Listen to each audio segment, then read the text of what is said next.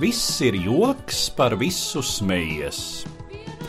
Kā gulbī balti padebešiet, mosties, mosties reiz svabadais gars, iedzer brāli, ātrām kājām, mūža dienas projām skrien.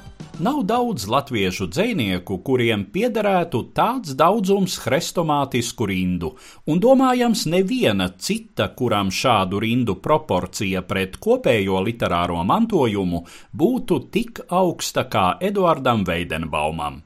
Savā negarajā mūžā šis tieslietu students paguva radīt nepilnu simtu dzējoļu, no kuriem viņa dzīves laikā nekas netika publicēts.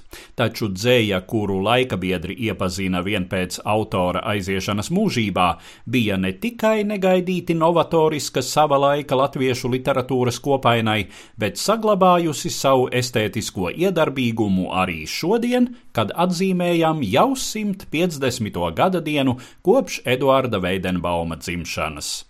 Viņš nācis pasaulē priekuļu pagasta glāzniekos, saimnieku Jēkaba un Mārietas Veidenbaumu ģimenē 1867. gada 21. septembrī pēc vecā, jeb 3. oktobrī pēc jaunā stila. No vienas puses, Eduarda Veidenbauma dzīves ceļš ir savam laikam tipisks. Latviešu zemniekiem tolaik joprojām bija kuplas ģimenes, dzimtas īpašumu un saimnieka godu mantoja vecākais dēls, šajā gadījumā tas bija Eduarda brālis Kārlis Veidenbaums. Jaunākos dēlus vecāki centās pēc iespējas skolot, tā nodrošinot viņu nākotni. Par laimi Veidenbaumi, kuru dzimta jau paudzi iepriekš kā viena no pirmajām vidzemē bija iepirkusi mājas īpašumā, bija gana turīgi, lai Eduards varētu tikt nevien apriņķa skolā un ģimnāzijā Rīgā, bet arī Tērbatas universitātē. Tiesa, tik liela šī rocība arī nebija, lai jauneklim nodrošinātu bezrūpīgu eksistenci.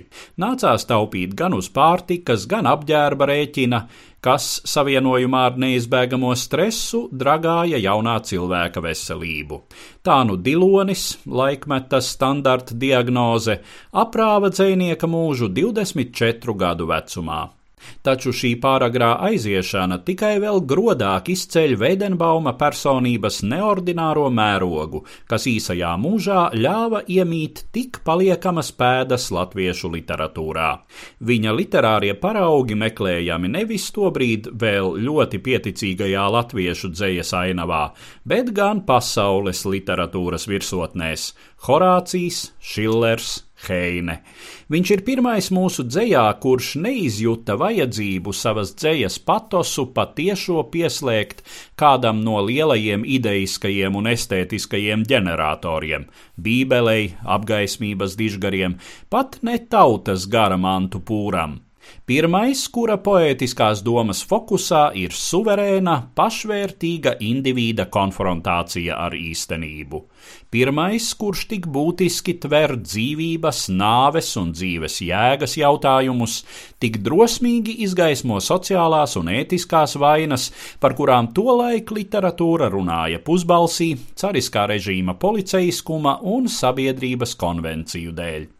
Arī triviālākām tēmām pievērsies, Veidenbaums saglabā poētiskās redzes asumu, valdzinošu pašironiju un īstumu. Tāpēc viņa tekstus, tāpat kā pirms simts gadiem, arī šodien zina no galvas, atdarina pirmajos poētiskajos mēģinājumos un komponē.